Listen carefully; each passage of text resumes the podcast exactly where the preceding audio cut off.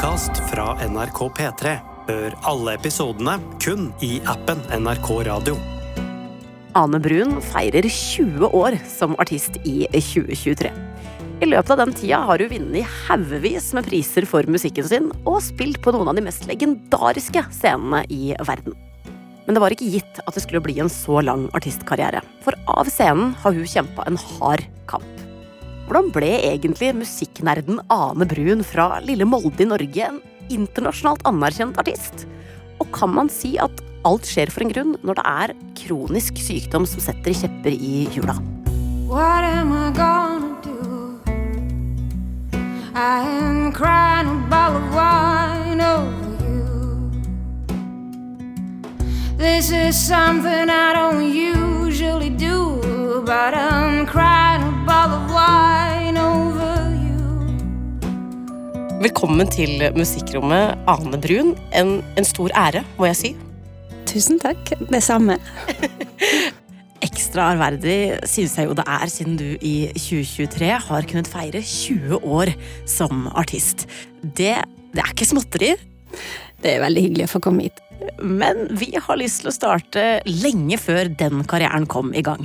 For selv om du har levd et liv omgitt av musikk, så var det ikke gitt at du skulle leve av det i starten. Du blir født i 1976 eh, og vokser opp i Molde i en ganske så musikalsk familie. Fordi eh, moren din sang jazz og jobba som pedagog og pianolærer. Og så var storebroren din veldig opptatt av musikk. Kan du beskrive litt hvordan det var i deres musikalske hjem? Det var veldig mye musikk. Mamma spilte jo veldig mye musikk, så hun spilte jo mye jazz og klassisk og sånn på piano. Faren min var over snittet interessert også, så han hadde masse vinylplater. Og vi fikk liksom høre på disse platene mye vi ville. Jeg skjønner ikke hvordan de turte det, men det fikk vi. Vi var ganske små da. Eh, Jeg husker veldig godt at vi kunne bruke vinylspilleren. Eh, Og broren min hadde jo, han var veldig interessert i musikk, så han hadde alltid det kuleste, så jeg hørte jo på det han hadde også. Jeg abonnerte på Mojo og gikk på platebutikk fra jeg var ung tenåring. Og når jeg holdt på med dans og sånn, så var musikken veldig, veldig viktig. Så jeg, jeg gravde etter musikk for å finne liksom den rette låten til å lage øvelsene mine til. Sånn, så jeg har vært sånn veldig musikkinteressert fra jeg var lita. Så det har vært mye musikk hjemme, men eh, Sjøl så begynte jeg spilte litt piano med mamma, og sånn da, men det var ikke noe sånn at jeg tenkte jeg skulle bli musiker når jeg vokste opp og bodde hjemme. Og det er jo til tross for at du vokser opp med å se noen av de dyktigste musikerne i verden på nært hold. Altså, Jeg husker veldig godt at jeg satt ganske langt frem med mor mi og så hørte på Herbie Hancock på 80-tallet. da. Man må jo alltid sette litt spørsmålstegn med sine egne minner fra en sånn ung alder, men jeg, jeg, måte, jeg har en opplevelse av at det var den første konserten jeg virkelig ble sånn oppslukt av, sånn som jeg skulle ha blitt i dag. da. At man uh, virkelig bare drømte seg bort og satt litt som på tuppen av stolen. Og sånne opplevelser fikk jeg jo veldig mye av på Moldejazzen. Det var jo en eh, spesiell plass å vokse opp om du liker musikk. Eh, Du får en veldig brei smak, da, for at hver, hvert år så sprang vi rundt på alt mulig, liksom. Så, så det, det er sånn tastemaker school å bo i Molde om du er interessert i musikk.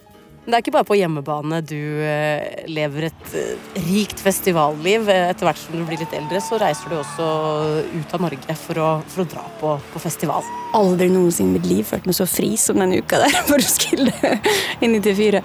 Og så dro vi liksom hvert år, da. Fire år, tror jeg, i rad eller noe sånt. Som var Det var også sånn mind-blowing musikkopplevelse. PJ Harvey, Rage Machine og Jeff Buckley. Og det var sånne store opplevelser og oppdagelser på den tida. Prega jo mye musikksmaken min året etterpå. For det, man tar inn musikk på en spesiell måte, tror jeg, når man er i den alderen. Og så er det noe eget da, når du liksom ja, når du er 16-17, når man egentlig ikke er helt gammel nok for å begynne å gjøre sånne ting aleine. Så sier de at det er så innmari fritt. Så det er ikke noen tvil om at uh, musikken står sentralt, at du begynner å få litt smaken på å reise utafor Norges landegrenser. Jeg er også interessert i språk, både engelsk og spansk, og hadde liksom bestemt for at jeg skulle lære spansk, da. Så da um, fant jeg en sånn uh, au pair-jobb i Madrid, som vi da dro til, og den hadde jeg i fem uker, tror jeg, før jeg sa opp, for det var ikke noe for meg. og så husker jeg at jeg satt meg på toget fra Madrid til Barcelona, visste ingenting av hva jeg skulle, dro dit, jeg kom til togstasjonen, leste gjennom telefonkatalogen og fant et ungdomsherberge. Dro dit, Og så traff jeg noen folk som kjente noen som hadde en bar, og så fikk jeg en bartenderjobb. Så jobba jeg som bartender et halvår i Barcelona som 19-åring. Så det var, var gøy. Altså skikkelig sånn happy go lucky. Ja, det var skikkelig Det var ikke mye sol den høsten. Det var mest natteliv. Man får noe ut av det også. Hvor er det veien fører deg videre etter det, da? Og da flyttet jeg til Oslo, da. Da tenkte jeg jeg måtte klippe håret og skjerpe meg. så da flyttet jeg til Oslo og begynte å jobbe deltid og ta X-Fil, og så begynte jeg på spansk mellomfag. Tok spansk mellomfag til slutt, da. I Oslo. Og jobba på platebutikk, og jobba på bar, og hadde masse ekstrajobber. Eh, Så det var, begynte liksom akademiske livet mitt, da. Men med deg på flyttelasset til Oslo, eh, hvor du bruker mye tid på å studere, så har du jo også med deg en gitar.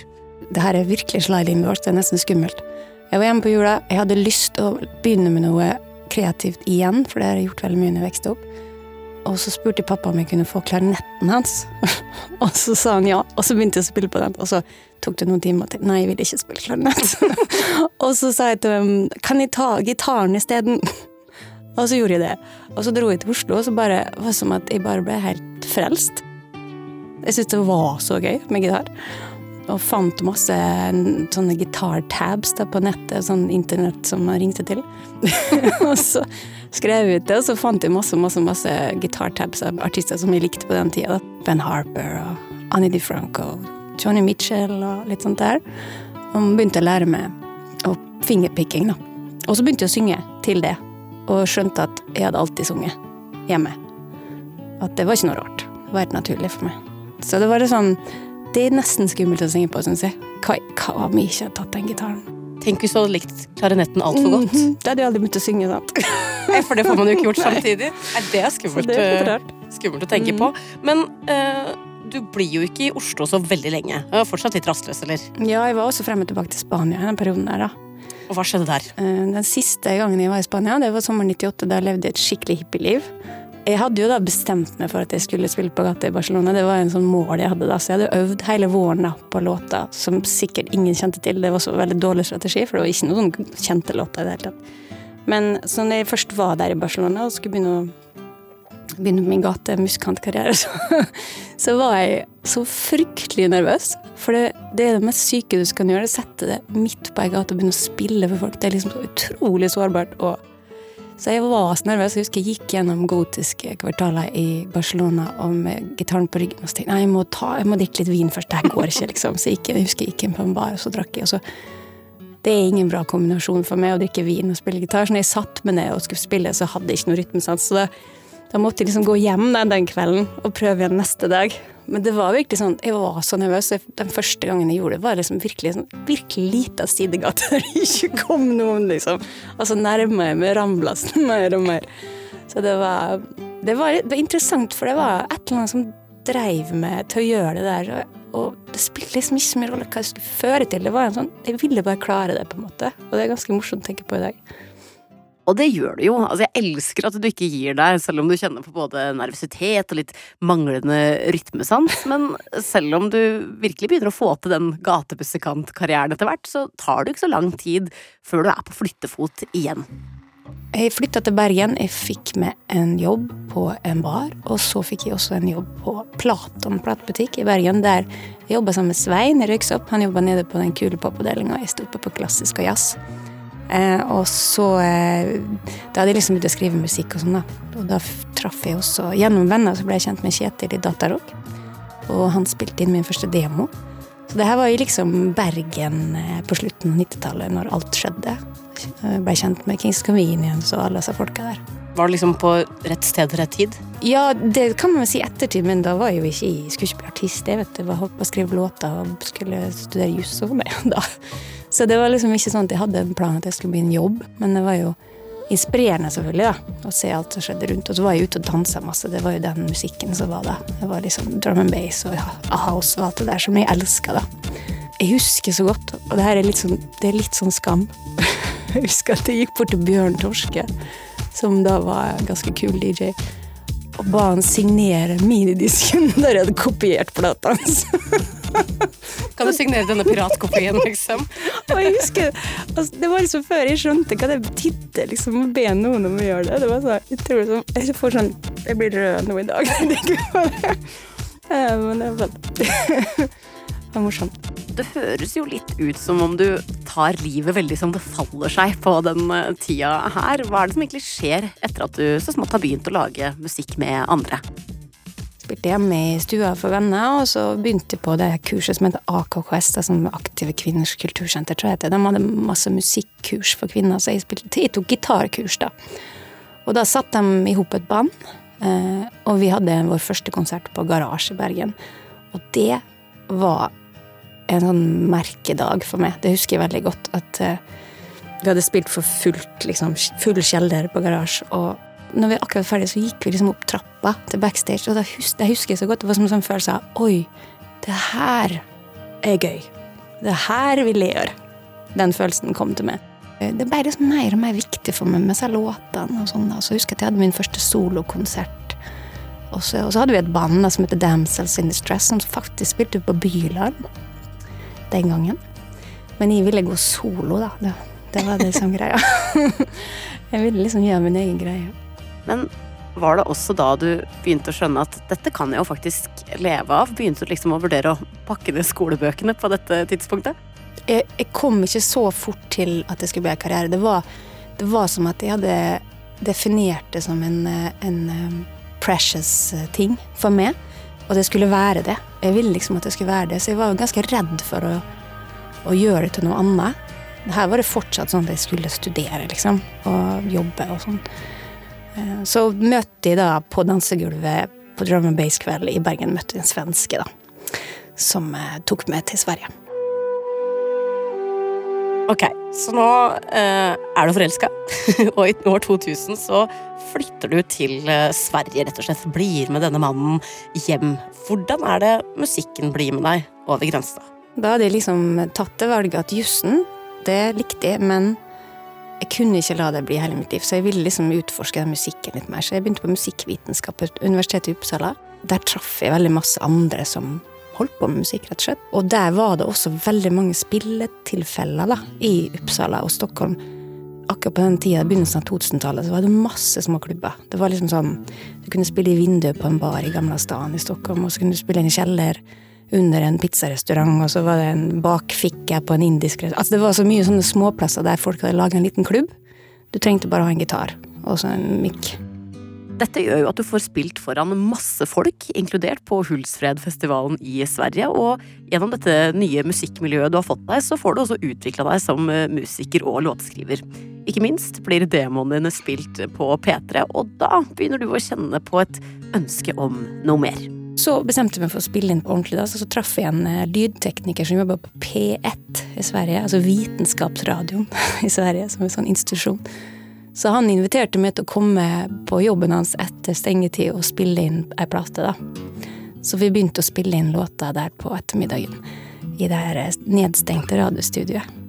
Det er veldig reint innspilt, ikke så mye reverb, det er veldig sånn klassisk lydteknikerinnspilling. Veldig fine ting. Og så um, begynte jo å sende så låtene der som jeg syns faktisk Jeg må, helt, jeg må faktisk si at jeg syns det var veldig bra. jeg var veldig fornøyd. Eh, Så sendte de samplene, litt sånn, tok sånn fem-seks plateselskap som jeg valgte ut, som var liksom kule, mellomstore. Jeg var veldig skeptisk til alt som heter platebransje. Og så fikk jeg liksom noe sånn litt lame svar som jeg syntes var så kjedelig. Så jeg bare åh, kjedelig. Dårlig energi. Jeg gjør det sjøl. Hadde Annie DiFranco som min store helt, eh, som hadde da vært indie i USA og sluppet sin musikk sjøl. Så jeg bestemte meg for å starte et plateselskap. Hadde ikke peiling hva det betydde i det hele tatt, men det skulle jeg. Det her syns jeg er så kult og forbilledlig. Altså, du har virkelig bestemt deg, men hvordan gjorde du det her uten noe som helst erfaring?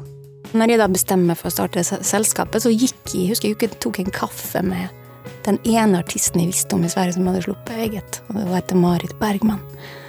Og jeg var veldig, det var jo veldig sånn DIY. og Jeg hadde en venninne også som ville slippe det, så vi starta noe som heter Det er Mine Records. Som da betyr også determine på spansk, som betyr bestemme. Eh, determine på engelsk. Så det var liksom en sånn ordspill som vi likte. Og dette mine records ble etter hvert til Balloon Ranger Recordings, som da er oppkalt etter en av mine låter. Så det, det er det det heter i dag. Ok, Så på dette tidspunktet så er plateselskapet i boks, og da gjenstår det bare å få ferdig plata. Hvordan går du fram for å ferdigstille debuten? Møtte jo også to kvinnelige produsentstudenter i Stockholm. Som da ville gjøre resten av låtene. Så det var liksom en kombinasjon av han radioteknikeren og de studentene som gjorde førsteplata mi sammen med meg. Og studielånet mitt, da var jeg jo med på å betale for det her. Selvfølgelig. Altså, det er ikke noe tvil om at du er i et enormt driv på denne tida, og det er man jo ofte i midten av 20-åra. Man føler man kan få til alt. Spille inn debutplate samtidig som man fester masse, eksempel. Og innen denne debutplata er ferdig, så har jo du flytta til Stockholm. Hva skjer der? Og da møtte jeg en eh, fyr som ville være manageren min, og ville være label eh, og hjelpe meg, da. Jeg var veldig skeptisk. Jeg holdt han liksom en, en armlengds avstand borte. Men han hjalp meg med å finne en distributør. Og da, det her var altså våren 2003. Så fikk jeg release da mai 2003. Og så tror jeg var Kanskje en uke etterpå så, så fikk jeg vite at hele Europakontoret ville slippe. Elleve europeiske land vil slippe plata di.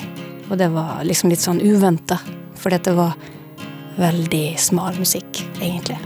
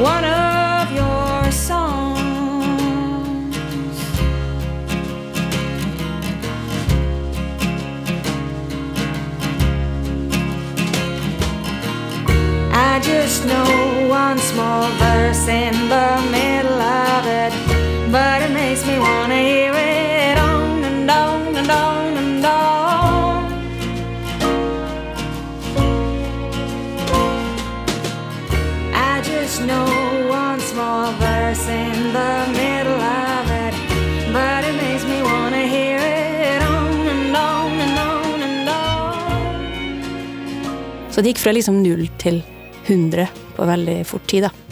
Og da var det jeg som eide alt, og det var min plate, og eh, broren min tok bilde til coveret, og det var veldig sånn DIY, kan man si. Men det er jo et fantastisk eh, album, og det visste ikke jeg om, om, om coveret, men det gjør det enda sånn koseligere, det bildet. Det er jo et album som heter Spending Time with Morgan, altså denne gitaren din, som mm. vi skal være veldig glad for at blei med deg eh, fra barndomshjemmet. Um, hva slags musikk er det vi får på det her første albumet?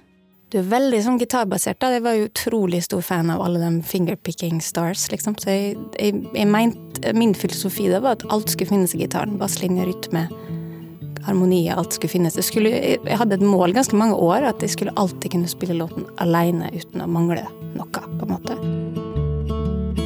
Man hadde liksom turt å slippe inn litt strykere og litt eh, cello og litt eh, bass. Og bass var livsfarlig, syns jeg, for det tok jo mine basslinjer fra gitaren. Jeg syntes alt var veldig skummelt i begynnelsen, at noen andre skulle spille på låtene mine. Var det liksom beskyttende, på en måte? Ja, utrolig Ja. protek proteksjonisme der i begynnelsen, og det var også det ganske naturlig Jeg ser det jo etter til hvorfor, for at jeg var ikke erfaren. Jeg hadde ikke liksom lært meg mer enn det jeg hadde lært meg.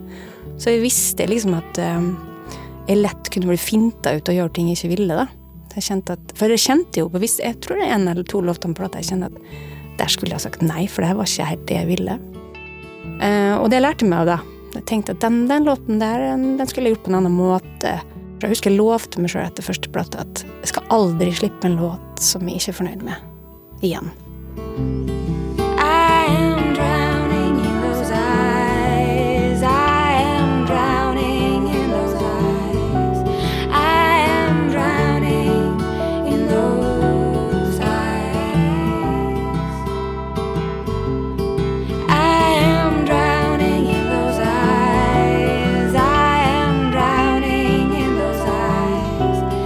Denne debutplata, når den blir sluppet i Skandinavia i mai 2003, så får den veldig mye oppmerksomhet i Sverige. Her hjemme i Norge så er vi litt treigere, og det var vanskelig å bli plukka opp. Men i Sverige så spiller du masse konserter og får masse presse.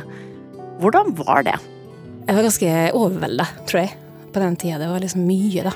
mye å forstå og mye å Og um, det var busy, samtidig som jeg levde et veldig sånt ungt liv. Sov lite og festa og prøvde å leve 150% Så det var ganske intenst. Det er ikke noen tvil om at det er mye som skjer på en gang her, og det tror jeg det er mange som kan kjenne seg igjen i. At man er eh, ung og ting skjer, så vil man få med seg absolutt alt på en gang. Og, og ting skjer jo. Du har jo tidenes eh, brakdebut, i hvert fall i, i Sverige.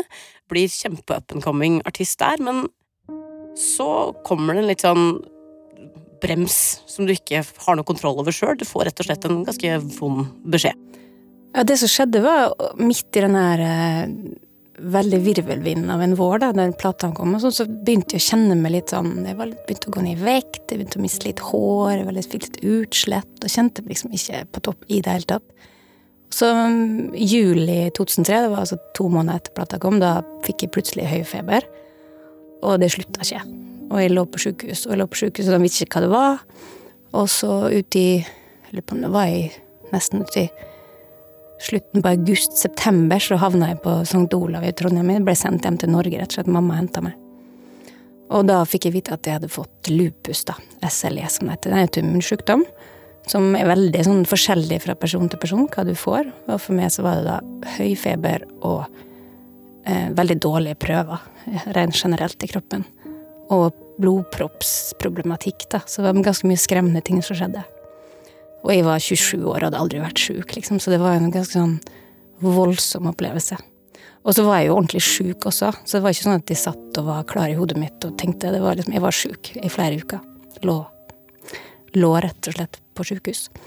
Eh, så det skjedde jo da samtidig som plata kom til Europa. Eh, og jeg fikk, jeg fikk liksom mail om eh, anmeldelser i Europa. Jeg fikk mail om sånn Du kan få spille forband til Heather Nova om du vil. Og det, var, det var masse sånne store artister som ville at jeg skulle spille forband og sånn. Og jeg kunne jo ikke det. Jeg var fortsatt innlagt, liksom. Så det var helt, det var helt absurd. Og så husker jeg at det her er så fint. Unni Wilhelmsen skrev om meg, husker jeg. Hun var en av de få norske som skrev noe om meg i avisa.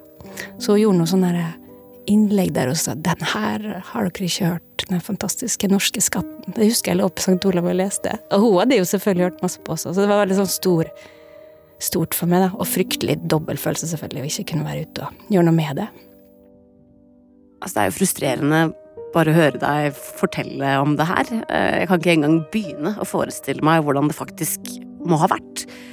Men hva skjer når du har havna i sjukesenga med altså det som heter en kronisk autoimmun sykdom eh, som kalles for lupus? Så, så til slutt så fikk jeg jo den medisinen jeg skulle ha, og på en måte sakte, men sikkert kom tilbake til noe slags eh, eh, daglig liv. Da. Det var jo ikke, det var ikke før Jeg tror ikke det var før i desember det året at jeg liksom begynte å, å gå ut og treffe folk. Det tok mange måneder før jeg var på en måte frisk nok til det. Kom ut, og mista alt hår og begynte å få sånne rare krøller. Det var en veldig, sånn, veldig rar periode for en 27-åring. og jeg, litt, jeg tror jeg var litt traumatisert, rett og slett. Det var en, en veldig traumatisk opplevelse, for det blei så sjokkarta. Så da begynte liksom Da skulle jeg begynne å turnere, da. 2004. Jeg husker at jeg dro ut på europaturné og dro ned til Europa og gjorde intervjuer og sånne ting. Og det var Jeg var ganske Hva skal jeg si Jeg var ganske skjør da. Og ut og utforska liksom den nye jobben min som jeg hadde fått helt plutselig. Det var veldig rart. Plutselig så var jeg fulltidsartist uten at jeg hadde egentlig fått eh, øvd med så veldig. Hvordan var det, da? Hvordan klarer du å plukke opp tråden på artistkarrieren? Altså, når jeg satt eh, Når jeg begynte å komme ut av sykehuset, så bestemte jeg meg for at jeg skulle fokusere veldig mye på den musikken. For jeg følte at det var en identitet som jeg ville på en måte omfavne, og ikke omfavne det at jeg hadde blitt sjuk. Jeg prøvde liksom å finne en annen identitet, da. Eh, Så jeg, jeg var veldig, veldig determined, veldig bestemt på at jeg skulle følge den drømmen, da.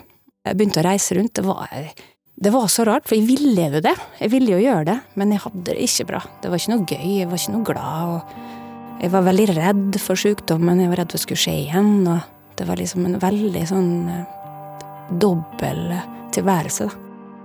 For jeg var jo veldig fornøyd og glad at å, glad for at jeg fikk gjøre det. Og fikk eh, snakke om musikken og utvikle det og sånn. Men samtidig så jeg så var jeg veldig utrygg da av det som hadde skjedd. Det var en sånn eh, Når døra var lukka, jeg var aleine, så var det en del uro da. Og mye musikk som kom ut av det, da. To let myself go, to let myself flow is the only way of being. There's no use telling me, there's no use taking a step back, a step back for me. I 2005 så gir du jo ut andreskiva di A Temporary Dive. um, hvor der er i hvert fall noe av musikken inspirert fra den tida. Ja, Temporary Dive handler jo om den tida der, og jeg sa jo aldri det da, for det var jo, jeg sa at det var en kjærlighetssorg. Men jeg bearbeider jo veldig mye av det som skjedde i den perioden, da. Det var mye.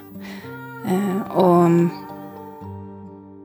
de åra der, egentlig fra 2003 når plata kom ut, og ganske mange år fremover, så prega det veldig mye av um, de, de stille timene som man har når man er aleine og sånne ting.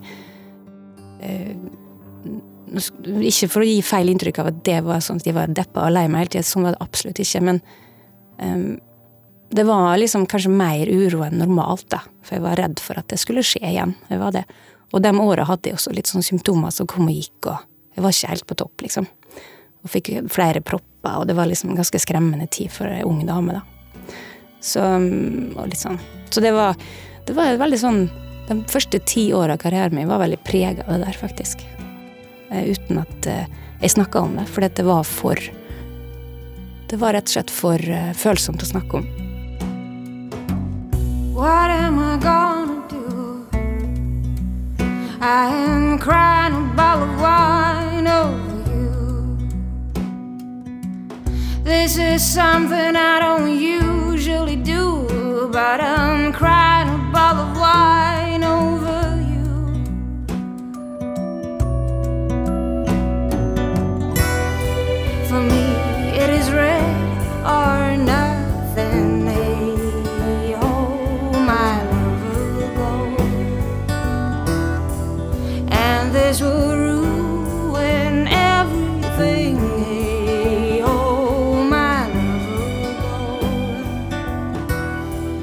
utad så fremstår du som du er en spennende nykommer som slipper kjempefine plater, som etter hvert virkelig blir oppdaga i Norge, spiller i sofaen på Skavlan. Alle de tingene der. Det er litt spesielt å se tilbake på nå at du satt med det for deg sjøl, samtidig som alt det her skjedde i, i karrieren din. Fordi altså, 2005 blir jo sånt år hvor masse skjer. Eh, Da slipper du også plata Duets, eh, hvor du synger med en haug av andre artister. Jeg kan jo nevne i fleng her, men kanskje den låta som står seg aller mest ut, det er jo Lift Me med Madrugada, et av soundtrackene til min barndom. Eh, Kan du fortelle litt om hvordan den opplevelsen var? Så jeg lager den duettplata, spurte Madrugada om de ville være med på den, for at jeg elska den der, de har gjort en EP som er veldig sånn americana nedpå-plate, som jeg ville liksom ha med, noe, ha med dem, da. Og så kom de til Stockholm, de skulle spille i, i Stockholm, og så var jeg og hilste på dem, og så hadde de en låt i lomma som de ikke hadde brukt, på en måte. Og så prøvde vi den backstage, og så bare, ja, men det her blir bra. Og så skulle, jeg tenkte at det skulle være en av de ti låtene på den plata. Det skulle liksom ikke eksplodere. og så gjorde vi den, jeg husker vi gjorde en innspilling, og så sa manageren min og deres folk sånn, det her kommer til å bli en hit. Jeg bare, hæ? Jeg mener det? Ja, det er sånn folk, det liksom, det tror jeg. Jeg bare, er det sant? Mener dere virkelig det? Og det eksploderte jo. Det var helt utrolig. Our years, our years well spent. We may never find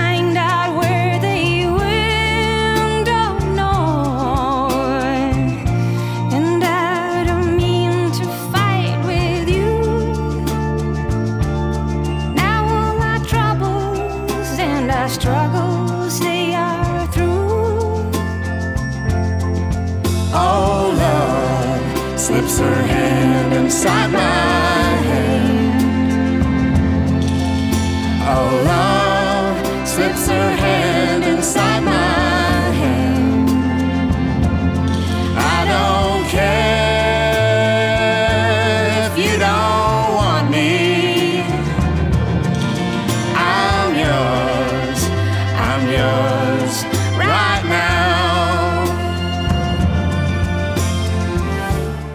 Vi kjørte Nobelkonsert, og det var liksom hit, og det var, det var utrolig stort, da.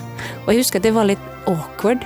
For var, da skulle jeg plutselig stå uten gitar og synge ved siden av Sivert Høyem og være sånn duettpartner. Og det var så awkward, jeg visste ikke hvordan jeg skulle gjøre det. Eh, Så jeg prøvde så godt jeg kunne da, å være naturlig i det, men det var liksom Men det var jo det var jo også en sånn dobbel følelse av at det var helt fantastisk, og samtidig superskremmende at det ble så stort. Jeg var ikke helt bekvem med den eh, oppmerksomheten da. Jeg var ikke kommet dit ennå. Jeg var litt sånn eh, Og det kan jo godt hende at det spiller rolle at jeg hadde vært sjuk, for det var jo sånn at jeg gikk jo bare på masse ting som jeg ikke ville snakke om. Så jeg var litt sånn eh, Kanskje beskytta meg sjøl litt for mye, da, på den tida. Garden var litt oppe, på en måte. Jeg tror det. Ok, Så det er jo først noen år seinere at det der virkelig får den oppmerksomheten eh, det får. Men en som får masse oppmerksomhet på den tida, det er jo deg. Og det tar deg til store konserter, som for eksempel på Wembley i London, da du varma opp for a-ha der. Ja, jeg fikk jo jeg fikk en Jeg tror det var Magne som hørte oss og spurte om jeg ville være med. Det var liksom Du får spille oppvarming med gitaren din liksom når a-ha skal spille konsert. Så det var, det var jo litt sånn absurd å høre Ok, kommer det til å funke, liksom? Det var kjempestore scener, da. Det var jo første gangen jeg gjorde noe sånt. Eh, kjempestort publikum, og det var en veldig fin opplevelse, da. For meg. Det var jo første gang jeg fikk gjort noe sånt gigantisk. Og flere store konserter skal det jo også bli. Du er jo kjempeaktiv eh, på den tida her. Slipper flere album, og i 2010 så kommer du i kontakt eh, med en fyr du hadde møtt noen år tidligere. Nemlig den engelske artisten Peter Gabriel. Ja, det var eh, sånne ting som ikke skjer, tenker man. Det er litt sånn lotterigevinst. altså, jeg, jeg spilte på noe som heter Mandela-konserten i 2005 i Tromsø. Da var det sånn AIDS eh, Foundation som han hadde. Og da var det liksom så mange disse store, gamle stjernene som vi da fikk treffe. Annie Lennox og, og så Angelique Kiddy var der, og det var liksom en fantastisk backstage. Det var helt uvirkelig. Og da var det, når jeg hadde spilt mine tre låter på den store scenen, så kom Peter Gable bort til meg og sa liksom Great set. Og jeg holdt på å dø, for jeg hadde hørt på han hele barndommen, liksom. Så jeg var så stolt at jeg var på sprekke. Og så lå jo det der bak i bakhodet mitt eh, som en eh, sånn derre kul greie, da. Men i 2010 så fikk jeg plutselig en mail fra hans liksom nærmeste tekniker, tror jeg det var, som maila meg. Da han sa sånn Du, vi husker det fra 2005. Eh, Vi vil ha med oss en sangerinne på turné med orkester, der du skal spille oppvarming og synge duett og kore med Peter Gabriel. Og jeg bare eh, Det her skjer ikke. Det er helt absurd. Det er liksom det drømme, drømmejobben, på en måte. da.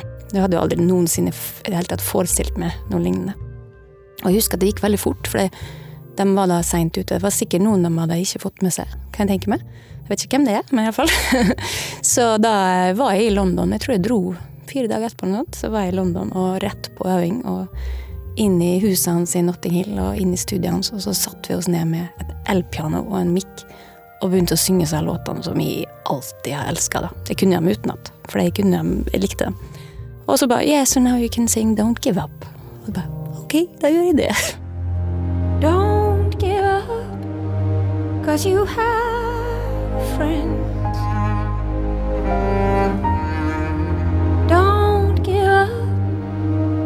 You're not the only one.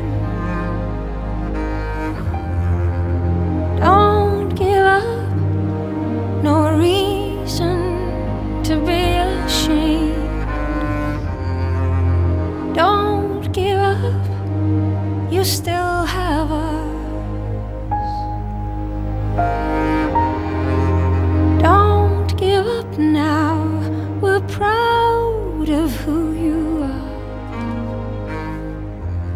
Begynte en fantastisk reise. Så jeg fikk jo reise på denne New Blood Tour, som er, som er liksom en orkesterturné med hans musikk. Det var så fint. Så vakkert. Og vi spilte Jeg var ute liksom under ett og et halvt år, så var jeg liksom i USA to ganger, og i Canada og i Europa. Så det var jo sånn rundt 50 konserter med, med orkester.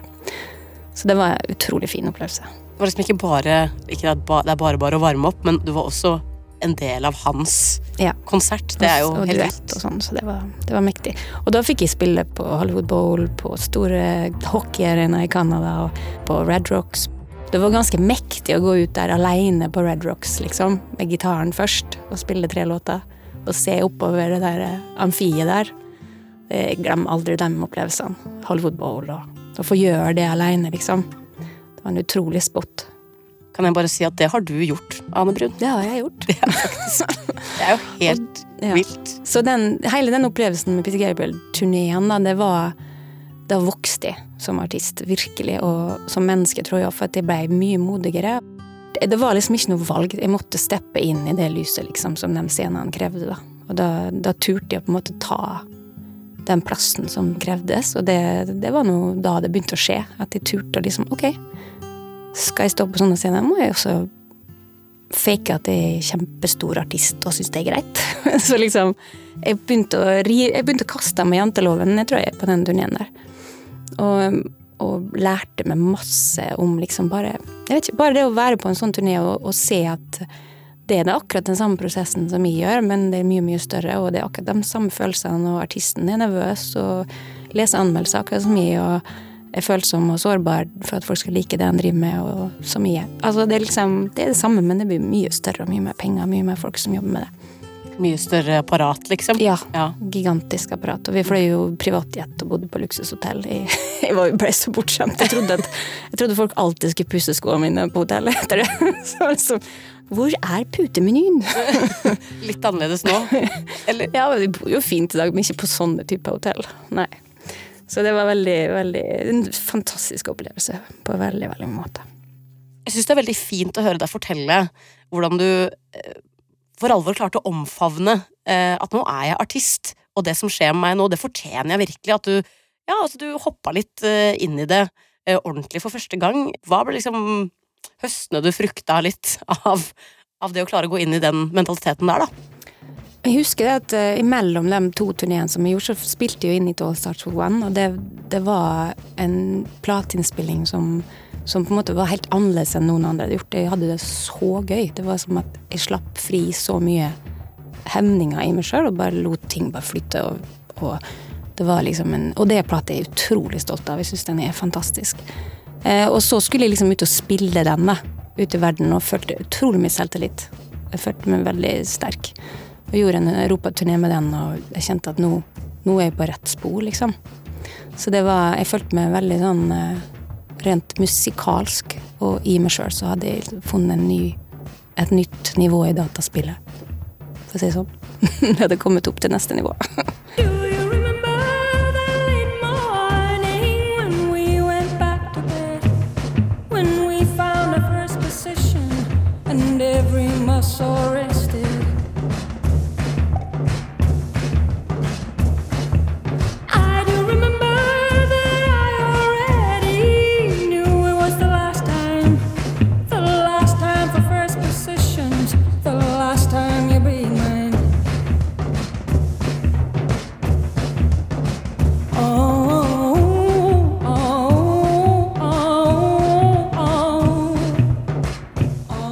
Så rent artistmessig så er du jo tryggere enn noensinne. Eh, Hvordan står det til da med sårbarheten rundt dette med sykdom, denne skjørheten du har beskrevet litt tidligere, som bøy på en litt sånn dobbeltfølelse eh, i starten. Hvordan, hva er ståa der nå, på dette tidspunktet? I 2012 så, så begynte jeg å kjenne at ting skjedde i kroppen min igjen. Det var, jeg hadde vært eh, Parallelt med alt at det her gikk veldig kult med musikken, kjente, så hadde det skjedd en del ting privat som var ganske slitsomme og tøffe. Kjente at nå begynner jeg å kjenne igjen symptom som jeg ikke eh, syns føles bra. Jeg begynte å miste hår igjen, begynte å gå ned i vekt igjen, og så bare Hva er det som skjer nå, liksom? Jeg jeg hadde fått spørsmål igjen om å reise på Peter Gabriel-turné. Det var en ny turné med et nytt konsept. Det var band, og jeg skulle få spille oppvarming med band. Gjøre den store plata mi i USA.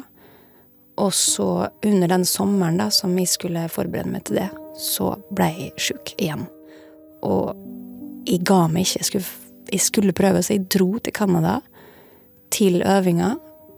Og når jeg lander i, i Quebec, så kollapser jeg på hotellet og blir sendt til sykehus. Og da Ja, det tror jeg kanskje er the lowest of the low i min karriere. Eh, Der jeg må avlyse min rolle som eh, forband og duettpartner på arenaturné i Amerika. Så da drar jeg liksom Da overtar mine venner, som jeg hadde heldigvis med meg da, i bandet mitt, tar, tar over min rolle. Så det var, det var helt forferdelig. Jeg satte jo dem i en situasjon også. Så jeg fløy tilbake til Sverige og la meg inn på Karolinska. og så var det en ny runde, og det var ja, tre måneder, fire måneder med liksom å komme seg tilbake. Så det var, det var, ja, det var en rå greie. Ti år etterpå første gangen.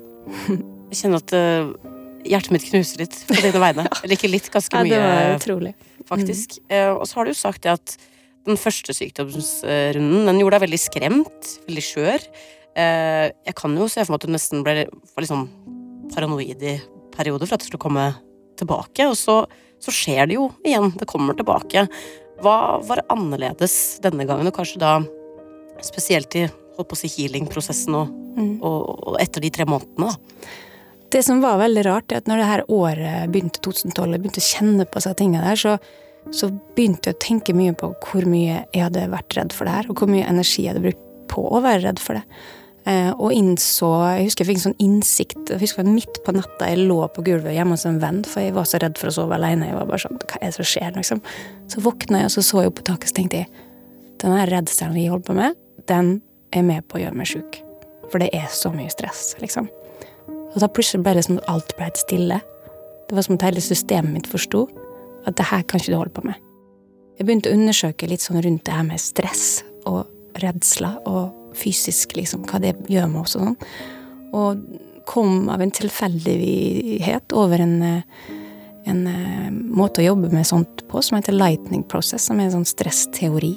Og, og egentlig veldig sånn vitenskapelig sånn hjerneforskning eh, om hva skjer når du er påslått på stresshormoner konstant, liksom, som Ida hadde vært over ei veldig god stund. Og det var akkurat det som skjedde i 2003 også. Jeg hadde vært veldig stressa over lang tid uten å gi meg sjøl hvile. Um, så stress er ikke farlig i seg sjøl. Det er liksom det at eh, kroppen må få hvile fra stressen. Og da funker det. Da kan vi være stressa. Det er greit. Men det er liksom det når man ikke stopper det. Det fins aldri en pause. Da bryter man ned kroppen, rett og slett fysisk. Bryter cellene. Så fant jeg den der eh, stressteorien begynte å lese om det, og skjønte at det beste jeg kan gjøre for min kropp, er å forsøke å komme til en tilstand der jeg ikke er i stress. Så da begynte jeg å jobbe med det, da. Og når jeg da lå på det sjukehuset, når jeg hadde kommet til sjukehuset etter Canada, så var det så rart, for det var som jeg gikk gjennom den perioden på en helt annen måte enn sist. Første gangen var jeg livredd. Jeg var liksom konstant i alert alarmmodus. Men nå satt jeg liksom som Jeg fikk sånn bilde av at jeg satt i en bil gjennom en veldig, veldig kaotisk by og kikka ut vinduet. Og det var liksom ganske stille inni bilen. Det var veldig rart. Eh, og så når jeg kom ut av eh, sjukehuset og begynte å klare meg liksom sjøl og sånn, og kunne være hjemme aleine og sånne ting, så, så var det som at jeg jeg følte at hele verden var gjort av kjærlighet. Det var veldig rart. Jeg følte liksom at det her blir bra. Og så var det som at jeg hadde helbreda hele det traumet mitt. Det var veldig rart. Det var som at jeg gikk gjennom akkurat det samme, men kroppen og sjelen min og hjernen min fikk lære seg at det her var ikke så farlig. Så da begynte egentlig en ny fase da, i mitt liv. For da, da håndterte jeg livet mitt på en helt annen måte. Så, så alt har egentlig vært eh, morsommere og bedre etter det. På hvilken måte da? Nei, har på en måte Hverdagen min har ikke hatt disse stille stundene på samme måte som de hadde de første åra etter første sykdom kom. Det har ikke vært så mye sånne mørke stunder da, alene som det var da. For jeg har funnet en måte å, å justere meg sjøl på, som jeg tror er det er det det handler om. At man liksom Man skjønner at man har mye mer makt over sin tilstand i kroppen enn enn, eh, man tror. At hjernen har så utrolig mye kraft til å hjelpe oss til å justere sinnstilstanden vi er i. da. Det var det jeg lærte meg, og det har gjort meg Det har vært liksom før og etter for meg, da, å lære meg det der. Det kom jo noe veldig godt ut av noe veldig vondt. Hvordan er det denne åpenbaringen du fikk, hvordan er det det har påvirka musikken du lager? Jeg har skrevet om det, og jeg har også blitt mye friere, tror jeg. Og noe som egentlig begynte rett før det her skjedde, også med den forrige plata. da, Men jeg føler at jeg har, vært, jeg har kommet inn i en helt mye sånn mer lek, og, og jeg føler også at jeg fant tilbake til den glade jenta som jeg var når jeg vokste opp. da. Jeg var veldig sånn glad, lett person frem til jeg ble sjuk. Eh, og den kom tilbake. Og den fikk liksom komme inn i musikken òg. Det er mye mer dans, det er mye mer liksom lek og leik på scenen. Og redsel er så utrolig hemmende. Redsel blir som at den stenger av alle gode følelser. Så når man er redd, så kjenner man ikke noe glede. sant? Når den der muren på en måte begynte å forvitre, så, så kom det tilbake så mye fint. Sånn naturlig er det, da. Det høres jo ut som du hadde verktøyene for å takle det veldig annerledes eh, denne gangen, men selv om du er på bedringens vei igjen, så tar du en pause fra å lage album for å komme til, til hektene. Og for å kjøpe litt tid hos eh, fansen, så markerer du heller tiårsjubileet ditt i 2013 med å slippe et album med allerede innspilte låter. Veldig lurt, synes jeg. Rarities heter det albumet, blant annet med en nydelig cover av Beyoncés eh, Halo, og senere det året så er du klar for å vende tilbake til scenen. Hvordan merka du da at behandlinga du gikk gjennom med lupus runde to, hadde hjulpet deg? Nei, men når jeg liksom begynte å, å føle meg friskere og sterkere og sånn, og begynte å jobbe igjen, da, så var det jo Det var jo en veldig sånn fin følelse. Jeg følte meg også at, at jeg var litt ny. At alt som skjedde, var sånn Oi, nå skjer det her. Hvordan kommer jeg til å oppleve det? Uh, alt var veldig sånn spennende. Og så eh, skulle jeg ut og, og feire tiårsjubileet mitt på turné, så da inviterte jeg med en instrumentalt, instrumental kvartett som heter Tonbruker fra Sverige, som er liksom fire helt fantastiske musikere som alle er på en måte artister i seg sjøl. Dan Berglund fra Esbjørn Svensson Trio, og, og Martin Hedro, som jeg har spilt med i mange år, og Jo Lindstrøm og Andreas Wallin, som er sånn helt fantastiske musikere. Og da gjorde vi liksom nye versjoner av min musikk med deres liksom influenser, og det var musikalsk så spennende for meg, og veldig utviklende. Og når vi var på vår europaturné, da var vi i Berlin, da spilte tilfeldigvis Peter Gabriel i Berlin, på en arena der, når vi var der. Og jeg eh, gikk dit med bandet mitt, med dem, og jeg satt og grein hele konserten. Fordi det var bare så emosjonelt. Og så skulle jeg treffe alle igjen, og sånn. Det var veldig, veldig sterkt. Men jeg kjente så tydelig etterpå at så rart det var at den døra stengte til den turneen, og jeg var ute på noe utrolig spennende reise med denne musikken som jeg var på, at jeg følte at jeg skulle ikke ville bytte det. For at jeg, jeg var i min reise. Jeg var liksom ikke sidekick på en annen konsert. Jeg var på min reise og utvikla meg så mye på den konsertturneen med Tonbruket. Så det er veldig rart det der, fordi at når man har vært med om sånne ting som jeg har vært med om, da, så du kommer til et punkt der du blir takknemlig for det til slutt også. Denne gangen gikk det veldig fort. Fordi at eh, det gjorde så stor eh, forandring i min, eh, mitt liv, da. At det kom tilbake en gang til. Jeg hadde aldri trodd at det skulle være noe bra, men det blei det. For at det snudde en veldig dårlig trend hos meg. Alt blei liksom annerledes etter det. Og det var starten på en ny, ny fase, da. Man kan jo nesten si klisjeen 'alt skjer for en grunn'. Ja, virkelig. Det her var veldig, veldig sånn skjebnen som kom inn. Jeg tror at kontrollbehovet mitt forsvant, da. På veldig mange måter. Og da, da ser man jo mer og åpner opp for mer og sånn. Så det tror jeg man hører i musikken òg.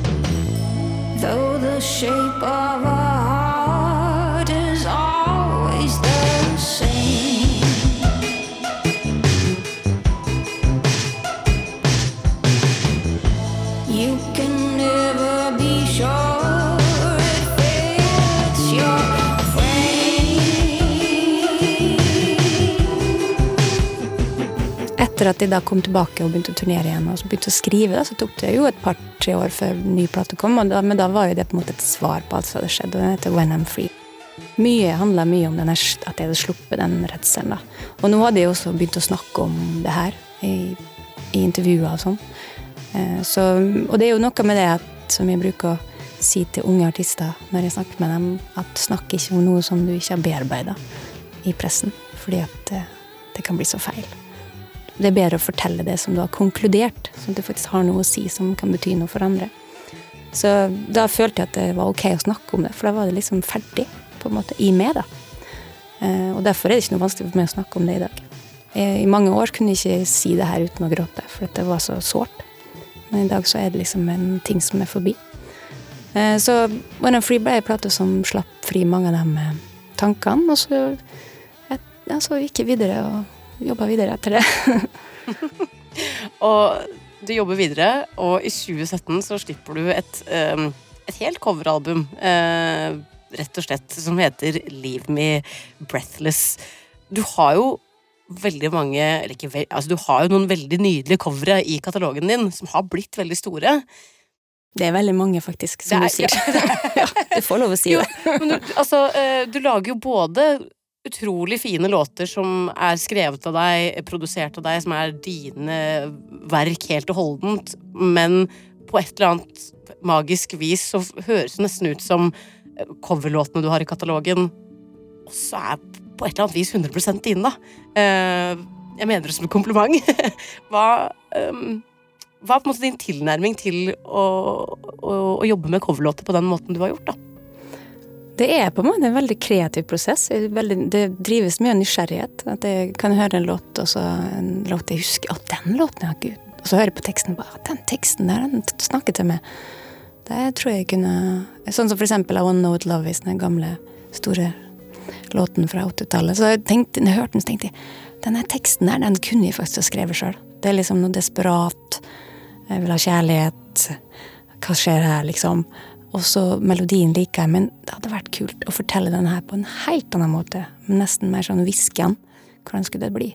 Bli nysgjerrig, da, vet du, og sette meg ned og prøve med gitaren. Og så, så er det som en prosess der jeg forsøker å overbevise meg sjøl om at det her kan bli noe kult. Eh, og så mm, Det er liksom litt sånn det fungerer. Jeg, jeg blir så nysgjerrig på hva skjer om jeg forteller den historien her på en annen måte. Med det jeg har lyst til å si. Eh, og det er ganske spennende, for reaksjonene blir så interessante, da. Jeg får eh, veldig mye respons på låtene, og folk blir veldig berørt eh, på nye måter. Så det, det, det er en veldig fin kreativ prosess for meg, og jeg syns også at det fins noe sjenerøst i det å, som eh, sanger, da, å fremføre musikk som folk er glad i. Det er et eller annet med det at det, det Musikk er jo egentlig noe man gir til folk. Og det tror jeg tenkte ganske mye på når jeg gjorde en plata, at det her skal være en gave til folk. Nå synger jeg låter som dere er glad i, på en måte. Eh, men gjør det på min måte, så sånn at den har sin eksistensberettighet i verden. Eh, jeg vil jo ikke spille inn låtene akkurat som det. Jeg føler ikke det er noe vits. Da er poenget litt borte, på en måte. Ja. Jeg, føler, jeg føler jo det sjøl, da. Ja.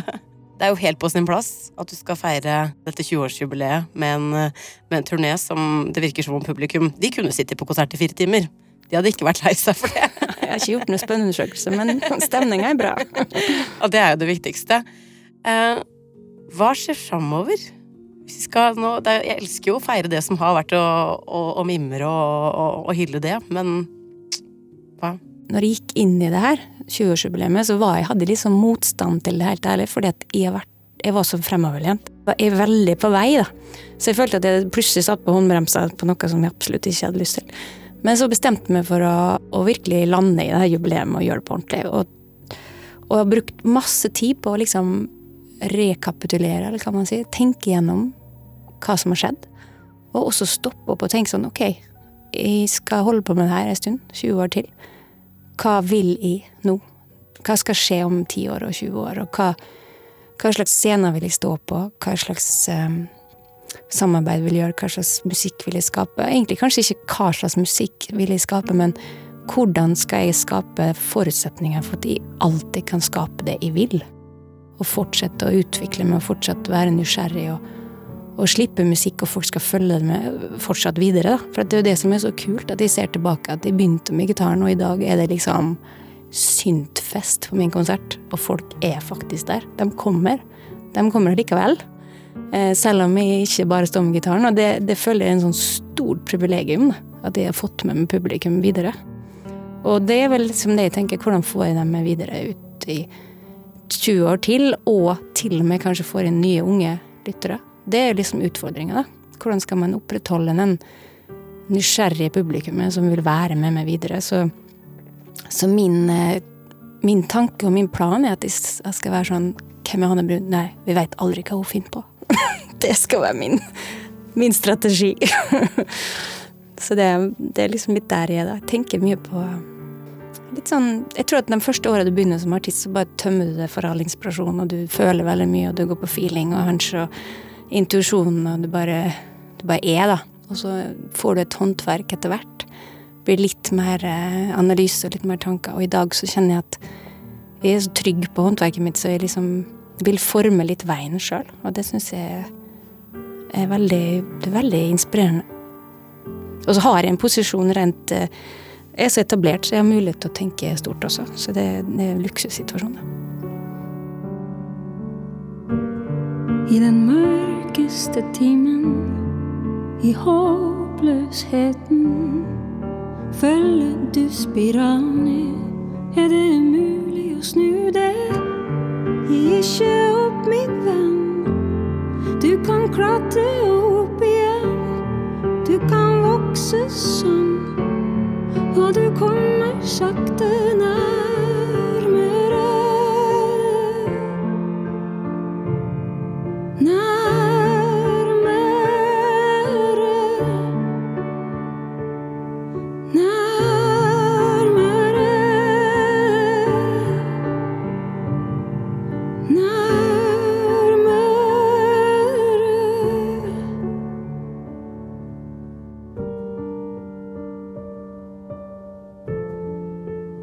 Du har hørt en episode av Musikkrommet. Hvis du syns denne var fin, så må du veldig gjerne dele den med én eller flere venner.